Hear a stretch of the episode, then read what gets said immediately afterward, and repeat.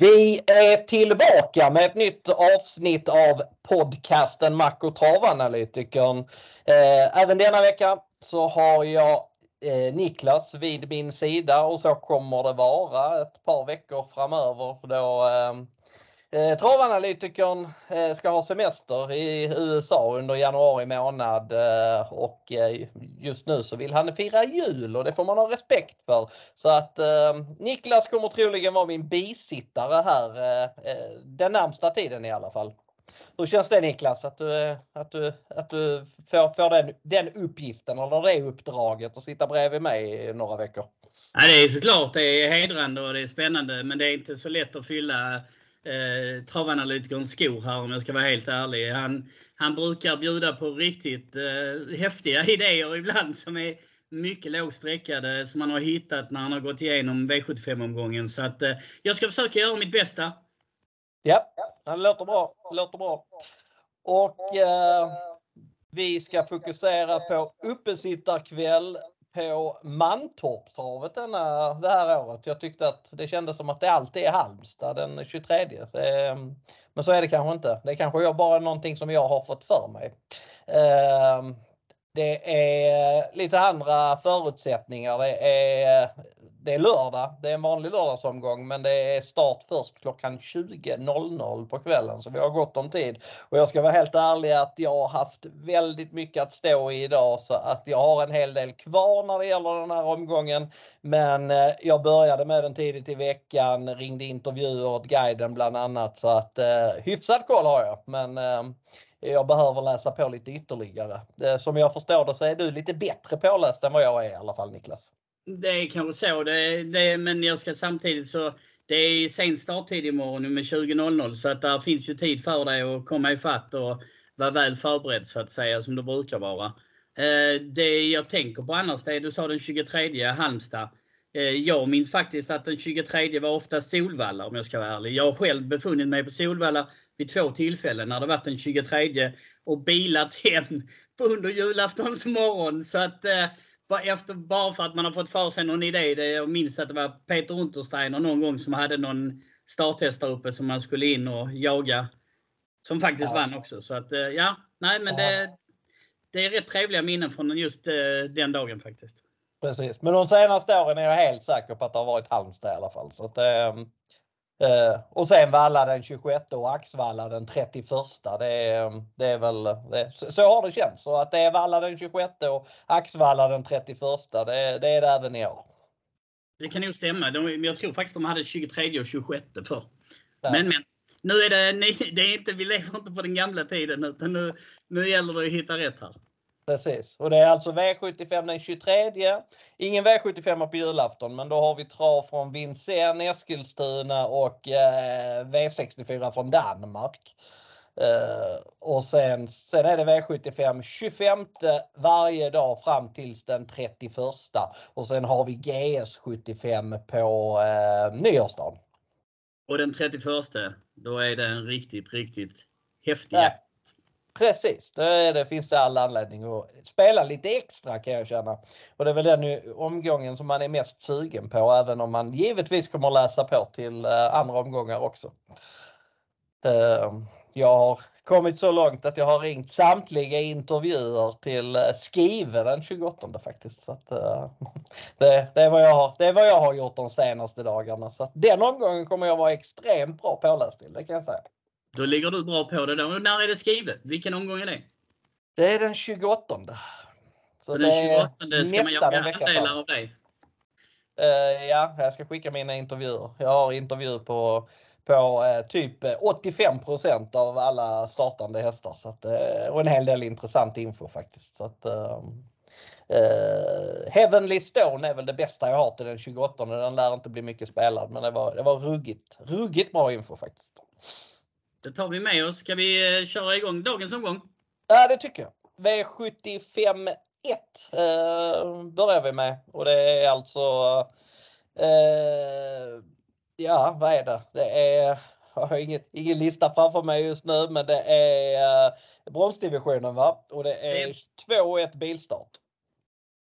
Och en struken häst i form av nummer 2 Darius de, Di Poggio. Eh, och favoritspelad är, ja, det är väldigt jämnt spelat mellan 11 Winner Brodde 1 Midnight Special tätt följda av nummer 4 9 Points Lasse. Eh, personligen så, ja, jag gillar att ta ställning när det är när, när eh, den breda massan väljer att betala för tre hästar. Antingen tar jag ställning eller garderar jag bredare och det är väl ungefär så jag känner att jag kommer att göra här också.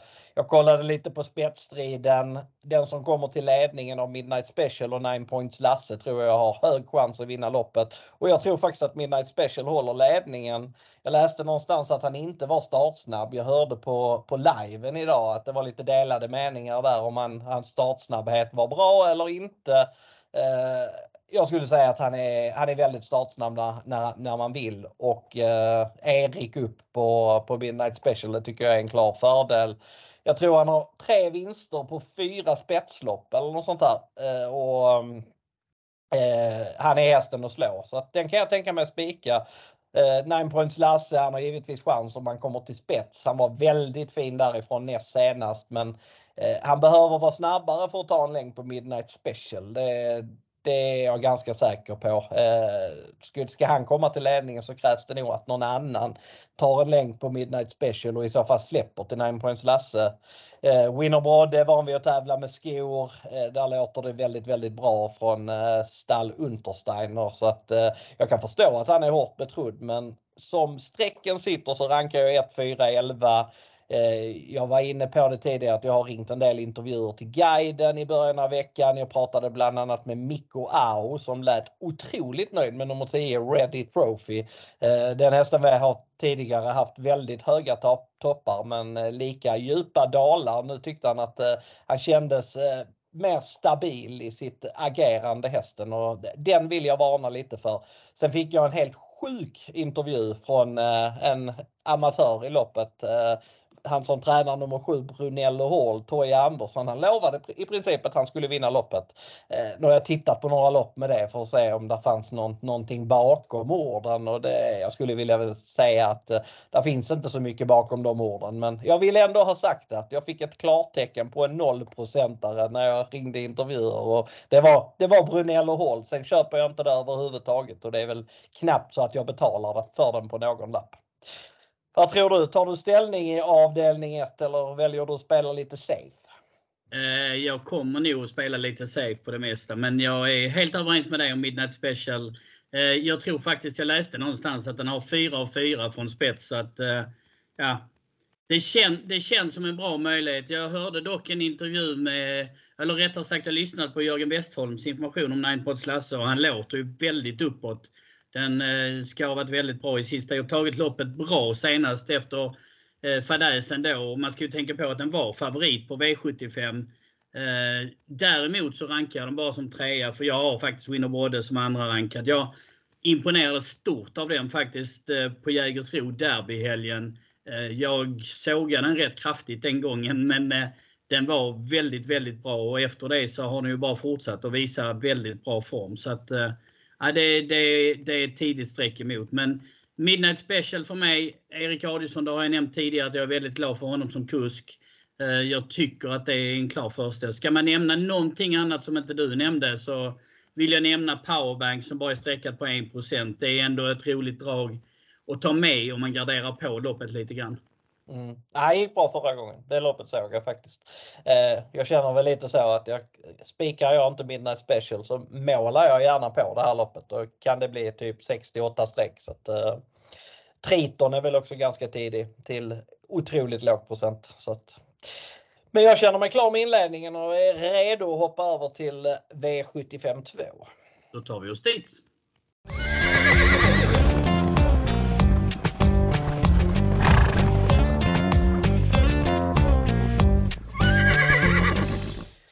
V75 2 var vi framme vid och eh, det är ett eh, storlopp. Eh, det är diamantstoet, det är lärlingar och det är lång distans 2640 meter och autostart. Och en favorit i form av nummer 4 High Hope, Hope Lee. Det är dock ingen stor favorit det handlar om. Den är spelad på knappa 30 Eh, så jag tror att den procenten kommer sjunka lite. För det, det, det är mycket, mycket snack i liven på fredagarna och många som rättar sig efter det. Och om man lyssnar på dem så låter inte High Hope Lee som någon bra favorit. Eh, där var man inne på att hon inte skulle kunna eller skulle komma till ledningen och att hon därmed var lite överspelad. Eh, jag har svårt att hitta något annat spetsbud än High Hope Lee här. Visst är det snabba hästar innanför i Lady Breeze och Glorious Donna men att de skulle ta emot High Hope Lee det har jag väldigt svårt att, att se. Så att jag tycker det är korrekt att High Hope Lee är favorit och jag kommer att använda henne som spik på en del lappar. Eh, hon var inte favorit när hon mötte 12 Safira Diablo senast. Eh, då vann High Hope Lee från, från ledningen och Safira Diablo var ja, hon var platserna, platsen bakom som, som vad, vad var hon i mål? Jag kommer knappt ihåg vad hon var i mål men hon var väl eh, tvåa var hon va? Ja hon kom direkt efter. Ja, ja precis. Eh, det som är spännande med henne denna gången det var att det var första rycktussar.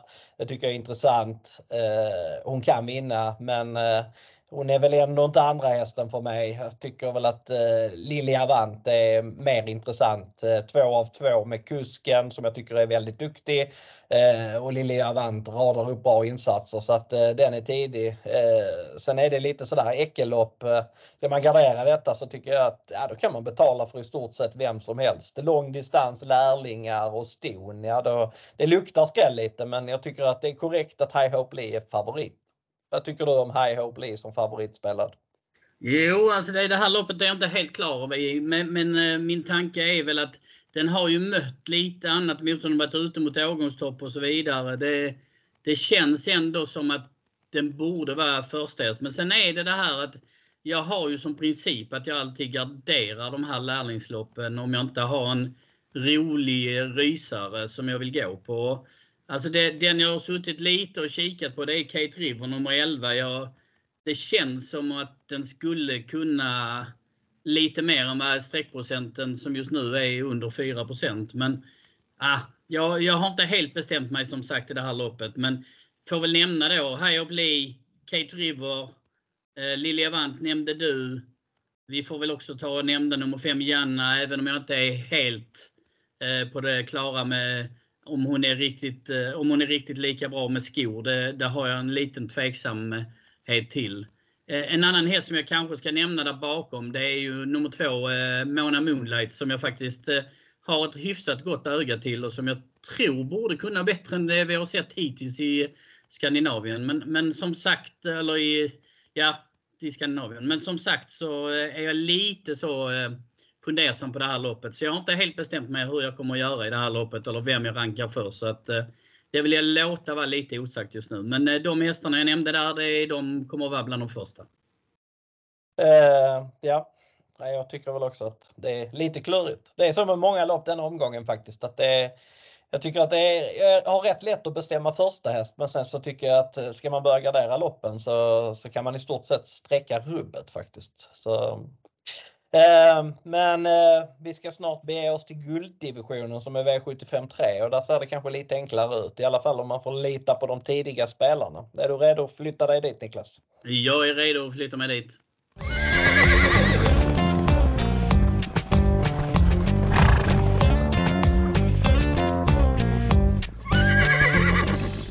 V753, ja, det är gulddivisionen och eh, det är eh, ja, så enkelt som 1600 meter bilstart och en jättestor favorit i nummer 6 ehm, eh, Dark Roadster. Det är väl inte så konstigt med tanke på hur bra han har varit på slutet. Han hade radat upp segrarna, fyra raka inför senast och, som var förra lördagen och då gick han också väldigt bra efter att det strulade lite grann får man ju säga. Jag tycker att eh, eh, det var ett väldigt bra formintryck. Jag förstår att han är favorit. Jag tycker att han ska vara eh, ganska stor favorit här. Sen tycker jag att 61 ja då har man tagit i lite väl mycket. Hade, jag hade väl med hellre sett att han hade varit runt 50% av insatserna. Eh, jag tror att han kommer till spets. Jag tycker att det är överdriven startsnabbhet på nummer tre Heart of Steel. Han var väldigt snabb i början av sin kar karriär men det har planat ut. Eh, Ostrich kan vara väldigt startsnabb nummer två i emellanåt och där vet jag att Torbjörn Simberg han är ofta väldigt uppåt på den hästen men Eh, jag tycker inte att han har varit riktigt lika snabb hos, eh, i aktuell regi som han var hos Helena Burman tidigare heller. Sen är ju Chapuis en väldigt startsnabb häst. Eh, Dark Roadster kunde inte ta en längd på Chapuis men där låter det nästan som Åke Lindblom är lite inne på ett defensivare upplägg denna gången. Så det är troligt att Dark Roadster kommer till spets. Det är troligt att han vinner. Jag kommer att spika honom på en del system men Eh, jag är, tycker att 8 That's So Cool är för lite spelad till 6,62% just nu så att det är väl egentligen, ska jag inte spika Dark Roadster så är det That's So Cool som jag är intresserad av. Eh, men eh, ja, det, det kanske blir att Dark Roadster tapp, faller lite i procent och skulle han bara bli runt 50% så spikar jag nu honom på lite fler system om jag säger så. Men 61 är väl tilltaget tycker jag. Vad tycker du om procenten på storfavoriten Dark Roadster här? Jag tycker faktiskt att, jag tror ju faktiskt att den vinner det här loppet 7 gånger av 10 så att då måste jag ju tycka att 61 är hyfsat okej. Okay. Eh, mm. Jag har suttit och försökt, jag, när jag såg startlistan från början, ja men den vill jag fälla men jag har tittat, jag, alltså de hästarna som, som för min del kunde vara intressantast att försöka fälla med den, det är Sweetman men den har fått bakspår och då är det en helt annan häst. Det är nummer 8 That's So Cool, den har fått åttonde spår. Alltså det, det känns som att det går inte riktigt att fälla den på det viset. Så att den kommer bli en flitigt anlitad spik av mig. Eh, jag har That's So Cool som andra häst, Heart of Steel trea. Ja, det är bara så att så som jag läser loppet så vinner Dark Roadster loppet. Svårare mm. än så kan det inte vara. Nej, det jag tänker på det var att That's So Cool när de möttes på Eskilstuna den 18 november, han och Dark Roadster, så stod alltså Dark Roadster i åtta gånger och That's So Cool i fyra gånger. Nu skiljer det typ nio gånger, tio gånger på spelet. Så, att, eh, så stor skillnad ska det ju inte vara mellan dem. Dark Roadster var ruggigt bra när han vann på Axvalla för tre starter sen på 10 och 4 från dödens. Men eh, sen är det det där med, det, det, hade det varit barfotabana så hade jag trott eh, väldigt mycket på That's So Cool. Då hade jag väl till och med rankat honom etta men med skor är han kanske inte riktigt lika vass och fördelen för Dark Roadster det är att han tävlar väldigt bra med skor runt om. Så att, eh, jag köper väl också favoritskapet men sen eh, eh, vill man åt de stora pengarna så, så ska han ju inte vinna. Det beror på vilka man har rankat först i resterande lopp. Ja, så är det ju. Så och om de vinner.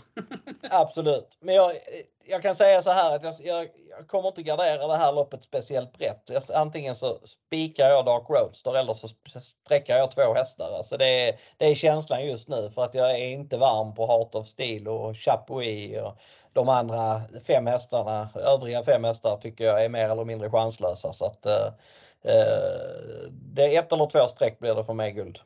Det är rätt bra betalt för statisterna i gulddivisionen då. Eh, ja, det får man ju säga. Jag vet liksom Köjt F. Bok har visserligen varit i Frankrike och, och spänt bågen men eh, han räckte väl inte riktigt där. Där var det väl lite all in. Han vann faktiskt eh, förra vintern ett guldlopp från döden som inte var på, på placerat på V75-kupongen så att eh, eh, då inser man ju att eh, guld på vintern är väldigt, väldigt dåligt ibland men eh, eh det är ändå svårt att han ska ta Eh, och vinna guld andra raka vintern, det, det, det tror jag inte riktigt på. Eh, men du, eh, guld ja, det känner jag mig klar med. Ja, jag, är, jag är klar för ett bra tag sedan. Ja, det är bra. Det är bra. Då går vi vidare till avdelning 4.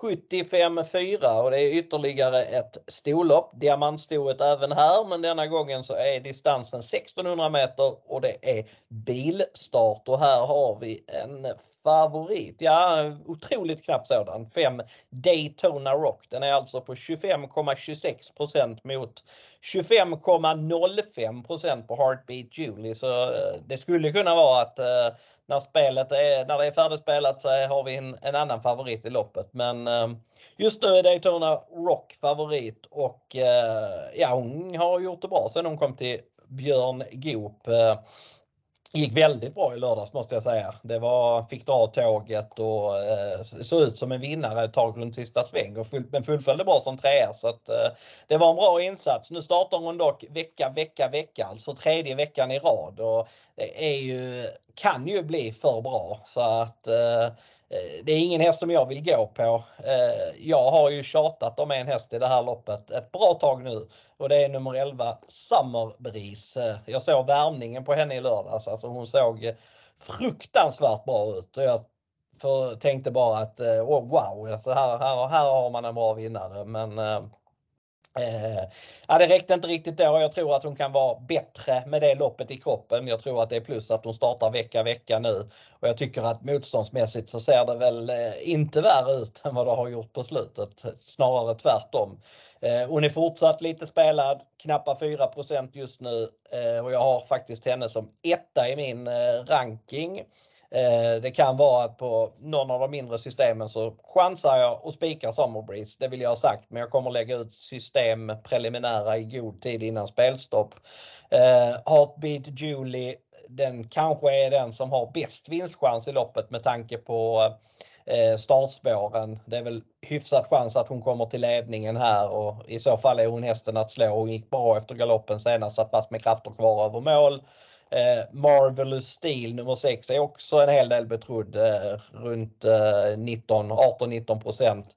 Den skrällde senast och man eh, slängde på, det var blinkers för första gången tror jag. Eh, men ja, det var, det var, man tänkte wow, vilken förbättrad insats. Men sen vad, vad, slog, vad slog hon egentligen? Hon slog eh, eh närmast eh, i mål var eh, eh, Felin Burgerheide som jag tyckte visade noll form i starten efter. Så att eh, man kanske inte ska dra för stora växlar över den insatsen trots allt. Så att, eh, den, den tycker jag är lite överspelad. Eh, ska man gardera detta loppet? Ja, man kan i stort sett sträcka rubbet. Ska jag varna för en stor skräll så är det nummer 12 Lilian Yang som jag tycker eh, står sig väldigt, väldigt bra i loppet hästmässigt. Vad tror du om avdelning 4? Har du någon annan idé här? Nej, du har väl nämnt mina där. Men min första häst är Heartbeat Julie. Men jag har satt och velat lite fram och tillbaka där. Jag, jag såg också eh, Sommarbrisen senast i värmningen och den såg lysande ut. Och jag villigt ge den och jag hade ett extra öga på den. För du har tjatat om den till mig. Så att, eh, men, men alltså Heartbeat Julie i jänkarvagn, det tycker jag är, är väldigt intressant. Och, eh, sen är det det här med skorna. Det, mm, ja, jag, jag är lite så, men jag känner det gäller ju samma för alla egentligen. Det, jag, jag tror ändå att det är min första häst, eller det är min första häst. Eh, sen därefter så tror jag att jag kommer att ranka upp nummer 11, Sommerbrise. Sen är det Marvelous Steel och Daytona Rock. Daytona Rock så lysande ut senast. Jag var faktiskt lite besviken att den inte eh, tog ner dem, för den såg ut som en vinnare tyckte jag. Eh, men det ebbade lite ut och det intrycket har jag haft av den tidigare också. Så att jag, jag, inte, jag, jag tycker inte att den ska vara favorit i loppet i varje fall. Det kan jag villigt erkänna. Mm. Uh, sen tycker jag det är intressant med Erik på Serava CD, men spår 8 det är, det är också lite tufft. Så att, uh, nej, det, för mig blir första hästen nummer 4, Heartbeat Julie. Och det roliga draget i loppet är ju den du nämnde som du har som första häst, Sommerbrisa. Mm. Men nu då hoppar vi till V75 5. Det tycker jag.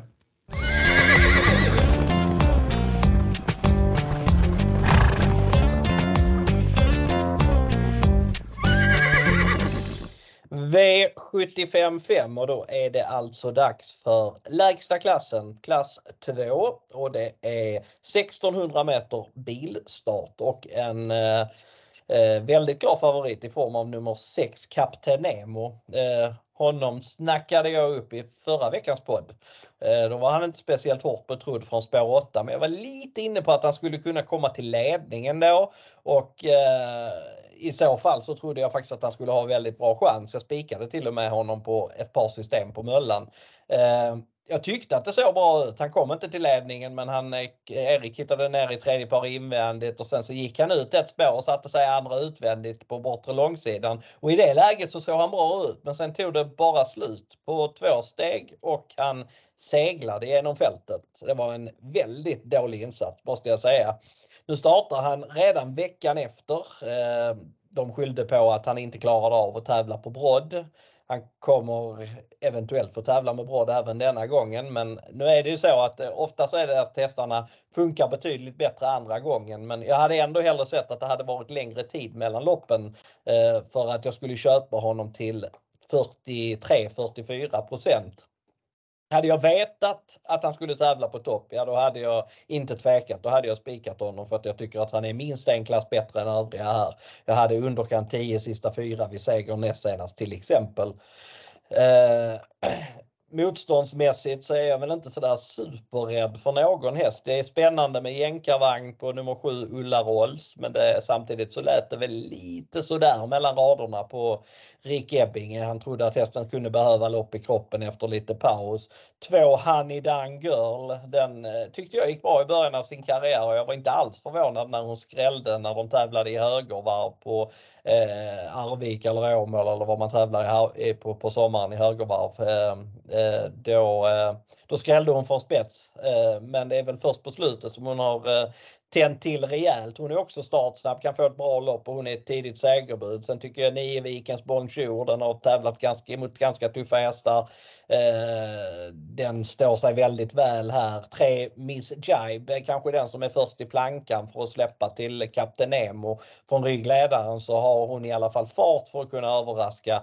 Sen tycker jag att det finns en riktigt intressant häst och det är nummer 11 All about you som eh, ser ut som en riktigt bra häst. Sen har det väl varit lite sisådär där med moralen men jag tycker att han har eh, förbättrat sig på slutet och han är definitivt värd att varna för här till låg procent. Eh, hur behandlar du Kapten Nemo Kronberg? Eh, jag, jag har ju svårt för att ta till mig en häst som jag tycker var riktigt dålig förra veckan om jag ska vara ärlig. Det, det, det, det har jag och ehm, den kan jag inte ha som första häst. Det går inte för mig. Jag är jag är medveten om att stallet säger att det allt är okej okay och så vidare och de låter. Och där är en väldigt bra form i, i just stall Peter G Norman. Men, men någonstans så, det var det ju förra veckan också tänker jag. Och någonting var det ju som inte stämde och när man nu säger att eh, det har kommit snö, man ska fixa till banan imorgon. Eh, den kommer frysa till på kvällen. Det, det, jag har känslan av att det kan bli någon liknande utrustning som sist. Och eh, ja, då vill jag se en förbättrad prestation innan jag rankar den först. Den är såklart tidig, för jag menar normalt sett så är det vinnaren av loppet. Men eh, jag kan inte ta det till mig och sätta den som först eh, till de procenten. För jag tycker inte med förra, förra starten i bagaget att det är en häst som vinner loppet 4 gånger av 10. Det tycker jag inte. Eh, sen kan jag ju stå där och den vinner loppet. Men den är tidig för mig men Dock inte första häst. Min första häst är faktiskt nummer tre. Miss Jibe. Jag tyckte den var riktigt, riktigt bra senast. Och eh, jag måste säga att eh, den avslutade fint. Den blev bara sexa men eh, avslutningen såg riktigt, riktigt bra ut. Och jag tycker nog att man ska ta med den väldigt tidigt. Man ska tänka på att Viktor Rosleff körde ju den här till seger för, vad blir det, fyra starter sedan i Halmstad. Och då var det ju också så att han släppte ledningen och så fick de luckan och då speedade den enkelt förbi till slut. Mm. Så att eh, nummer tre är min första häst. Sen rankar jag väl därefter 6, 7 eh, närmast så att säga. Även nummer 9, Vikens Bonjour och 11, All about you är tidiga streck för mig. Mm. Men nu då hoppar vi till avdelning 6.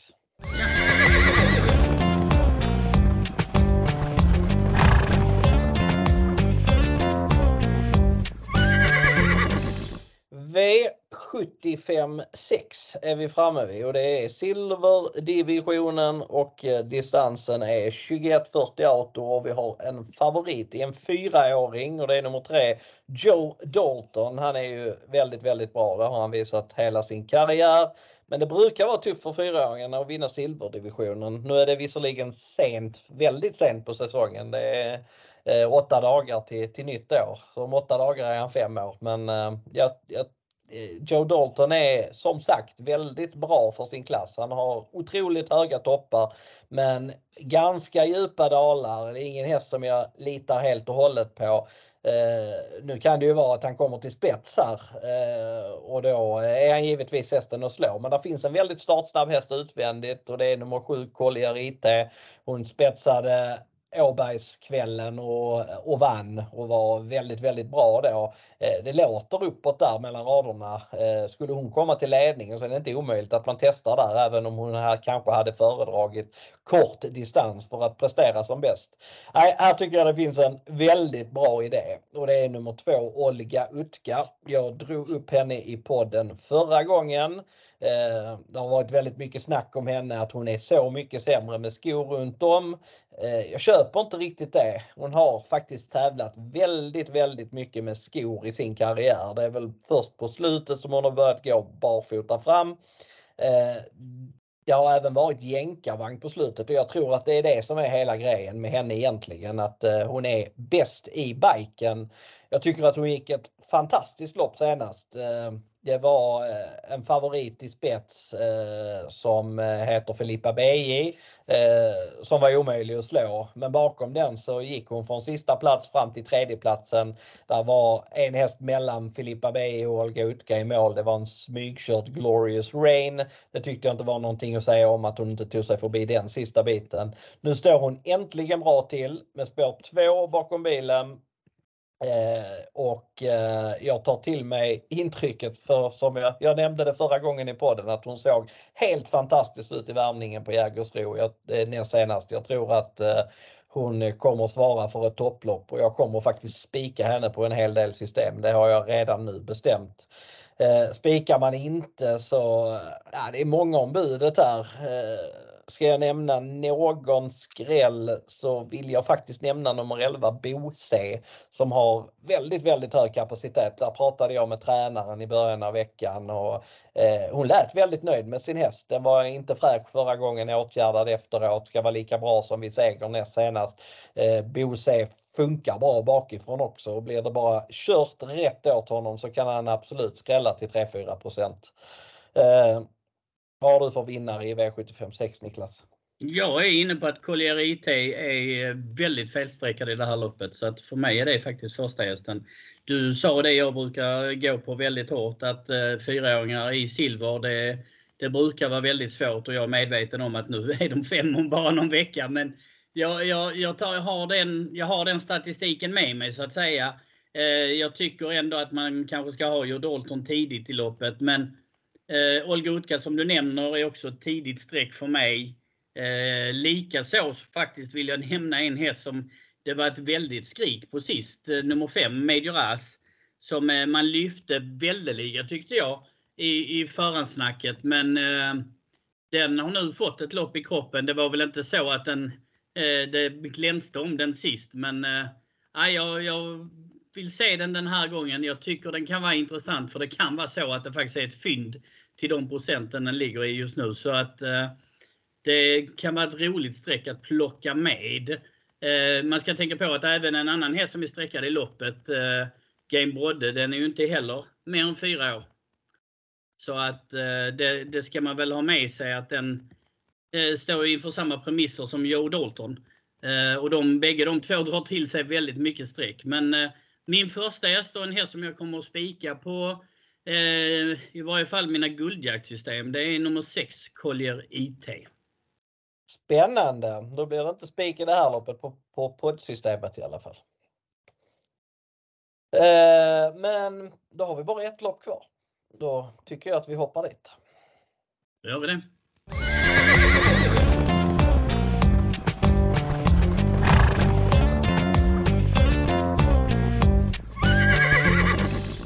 Ett lopp kvar alltså. Det är V75 7 och eh, då är det alltså dags för eh, klass 1 och 2140 autostart och en favoritspelad häst i form av nummer 7 Jalapeno K. Eh, som i sin senaste start vann från dödens på ett väldigt övertygande sätt. Var väldigt snabb ut då faktiskt. Jag tror att det är rätt så goda möjligheter att han kommer till ledningen här. Eh, jag vet att eh, Åke Lindblom säkert vill dit med nummer 5 Nelem och Rick Ebbing är säkert sugen med 4 Moses bok också men jag tror inte de är tillräckligt snabba för att svara Jalapeno K. Och kommer Jalapeno K till spets, ja då, då förlorar han knappast det här loppet. Så jag tycker att han är solklar första häst. Jag vet att det är väldigt mycket snack om nummer 10 Shake som var jättefin senast. Men nu gick han i ledningen och jag har tidigare eh, sagt att han är klart bäst när han får lös, löpa på innerspår. Att han har spår i det bakre ledet denna gången det ser jag som ett stort minus och jag tycker inte att hetset kring honom är befogat.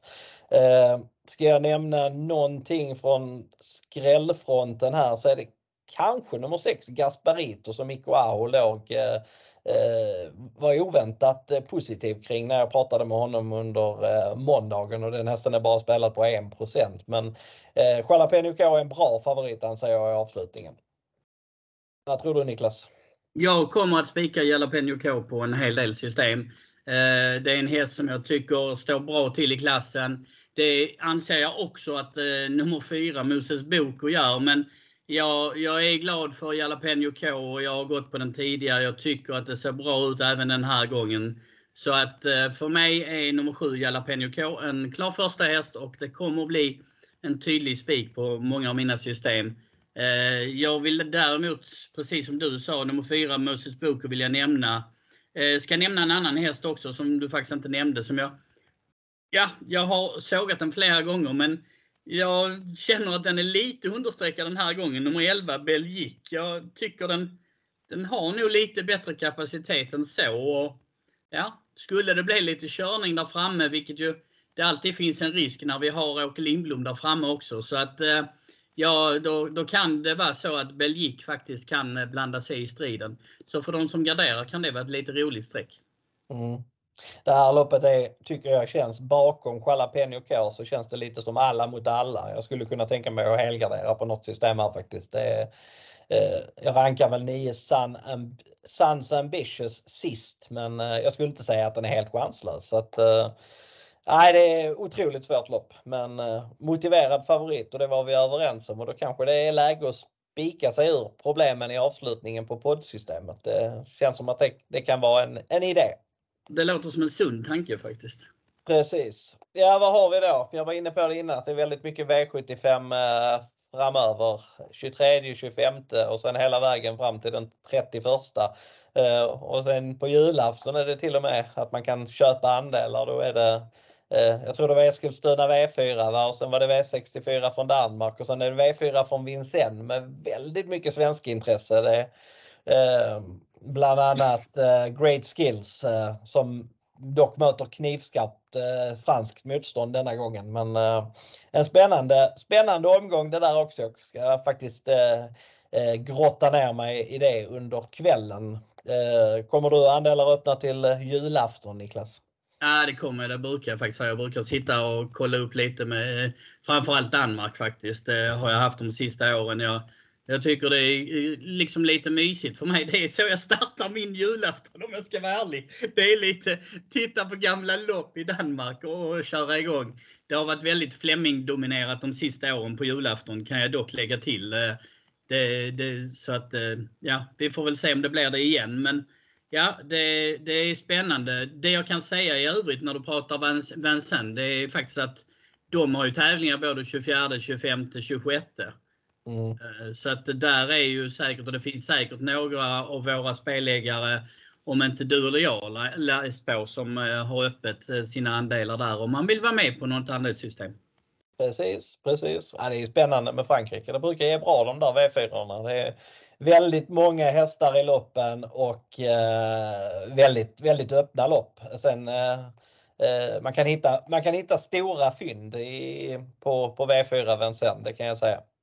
Jag håller med eh, dig. Precis. Eh, vad eh, har vi mer att säga? Ja, vi har en ny podd nästa vecka och då ska vi gå igenom eh, omgången den 31. Det är redan nu väldigt mycket pengar i den jackpotten och mer lär det väl bli eh, under veckan känner jag. Det tror jag det brukar det bli. Det brukar kunna, antingen det är lite sådär i de här dagarna att antingen blir det väldigt favoritbetonat eller så smäller det rejält. Eh, det, det, är liksom inga mellanting där utan eh, det, det, är lite i de två faserna och då byggs ju potten på såklart. Och, eh, jag, jag tycker det är fantastiskt roligt just de här eh, eh, just på nyårsafton de här omgångarna. För det, det, det är roligt, det är bra hästar och man kan tänka så här också. Det är också så att många tränare har satt in siktet på just den här tävlingsdagen och har hästarna i topp då. Och eh, det gör ju också att det blir lite klurigare om jag ska vara helt ärlig. Precis. Eh, förra året var det dock, då var det nästan inga jackpotpengar i, i megapotten den 31. Det, Eh, men i år så har det ju redan nu kommit en, en hel del till, till den potten eftersom det blev eh, jackpot förra veckan och alla de pengarna flyttades till den 31. Och sen var det jackpot även veckan innan det och då gick 20% av den potten till, eh, till nyårsafton. Så att eh, det kommer bli en rejäl pott, det kan jag redan nu lova på, på nyårsafton. Men jag tror att den borde öka på ytterligare. Så att, eh, ska man spela en omgång bara eh, så, så är det väl den den omgången som man ska fokusera på. Eh, och kanske, kanske satsa någon, någon krona extra då. Det kommer i alla fall jag göra. Ja, du, du nämnde där att det var jackpotten förra veckan gick till nyårsafton. Det är ju en grej som jag inte alls gillar. Jag tycker ju självklart att jackpotten skulle vara till dagen innan julafton, uppesittarkväll. Jag, jag tycker att man definitivt skulle ha lagt pengar till den.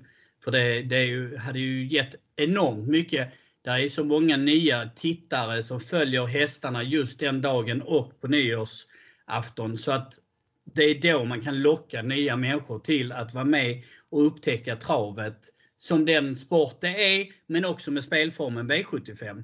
Eh, så jag, jag förstår inte det beslutet om jag ska vara helt ärlig. Nej, nej. nej det är mycket man inte förstår. Eh, Bo Westergård fick till exempel trots sin, eh, sin dom eh, fortsätta tävla så att eh, det stod i flera medier att hans häst annandagen skulle bli struken på Solvalla och det var snack om att hästarna till Skive den 28 skulle strykas allihop. Det var 15 stycken så att eh, nu, men nu får han alltså starta tills, eh, eftersom han överklagade beslutet. Så, det, ja, I min värld är det bara konstigt att man, eh, att man, att man, tillåts, att man tillåts det faktiskt. Eh, ja, jag läste lite faktiskt på, jag tror det var Travronden eller om det var Expressen som hade gjort någon intervju med eh, flertalet av de tränarna som kommer att stöta på honom här nu. Och det var lite intressant läsning för det var ju väldigt skiftande. Det var ju som, det var ju som någon sa att det, det var ju liksom att de kanske tyckte att var det andra gången så, så skulle det så skulle man väl få en andra chans så att säga. Och Samtidigt så var det ju någon som sa att om man själv hade hamnat i det så hade man ju velat att man skulle få lov att starta om man överklagade. Så att det, ja, det, det var intressant läsning och, och höra vad kollegorna tyckte helt enkelt. Precis. Sen pratade jag med Korfitsen idag för bara en dryg timme sedan och då, då fick jag i alla fall höra att eh, han har gått tränarkursen. Eh, han har inte tagit ut någon licens men det kommer han kunna göra under de närmsta veckorna. Så det är väl ganska troligt att eh, eh Västergård blir av med licensen men att Kårfitsen kommer stå för, för hästarna i fortsättningen. Så att jag tror inte att det kommer bli någon större skillnad mer än att Bo Västergård kommer inte köra lopp det närmsta två och ett halvt året om domen står fast, vilket den väl troligtvis kommer att göra. Eh, men eh, det är i alla fall lite, lite, information som jag inte tror har kommit fram någon annanstans för den var, den var direkt från Kårfitsen. Så den informationen, den fick ni först här i podden. Ja. Mac och travanalytikern. Precis. Men du, god jul på dig Niklas och god jul alla lyssnare så hörs vi igen den eh, 30 va? Eller 20, ja 30 hörs vi nog va? Eh, dagen innan, 30 29 blir det va?